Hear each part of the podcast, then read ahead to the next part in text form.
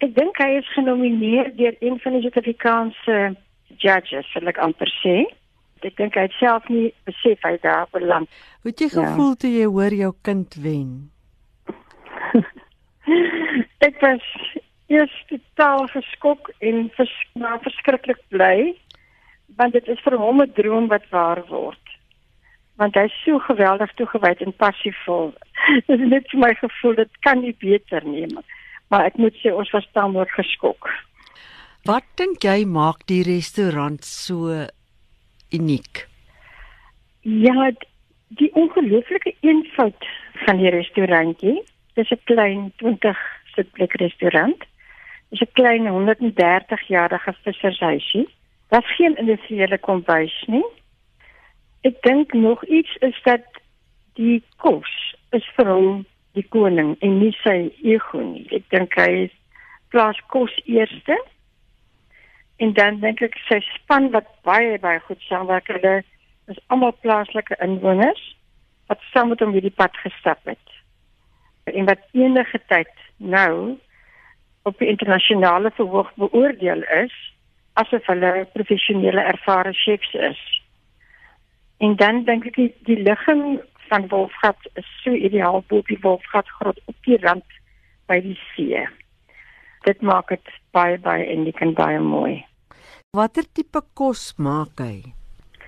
Dit is altyd moeilik om te beskryf want Kobus kook met bestanddele wat net in hierdie omgewing groei of vandaan kom, soos byvoorbeeld mossels, vis uit die see en dan natuurlik plante van eetbare plante, vyfieplante, van hierdie Saldanha strandveld wat baie spesifiek van hierdie area is. Ek dink nie mens kan dit noem dat dit 'n spesifieke kuisine is nie. Ja, ek dink dit is erfeniskos met 'n moderne aanslag. Hy kook vandat hy 30 is. Hoe dit begin? ek was nogal staamlik verbaas. Hy het na skool chefskool toe gegaan.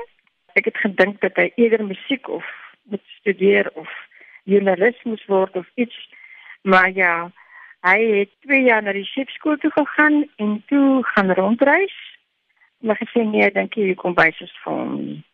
Dit is te warm en hy voel pas geklik. En toe die keer rondgereis en teruggekom vir my gesê maar hy weet nie wat hy wil doen. Hy wil journalistiek doen. Maar hy wil dit nog altyd rondom kos wees. Hy wil skryf oor kos, hy wil fotografeer en so voort. En uh, dit het toe opgeëindig dat hy toe die aanwender redakteur word by die Eat Out tydskrif. En vandat ons toe nou die ou winkel hier op Paternoster gekoop het met 'n pragtige ou tuin daarnaas, het hy begin belangstel nadat ek hom gevra het, ek genooi kom kyk, wat kan jy vir my voorstel? Wat moet ek hier doen? Hier's 'n tuin, hier's iets wat kan gebeur hierso dit het natuurlik toe 'n inspirasie geword en hy toe begin rustig sy voete hier kom bevind. Ek was uiters verbaas dat hy stadslewe verwel geroep het. Maar ek dink iets het hom hier getrek en hy het onmiddellik begin eksperimenteer en hy het natuurlik 'n wonderlike platform gehad. En ja, wat daar uitgekom het na 7 jaar is net wonderlik en toe het ek besef dat daar is groter hoogtes vir hom as net hierdie klein tuintjie hier langs die winkel. En toe het ons begin om 'n perseel te soek in die Kombolfgat.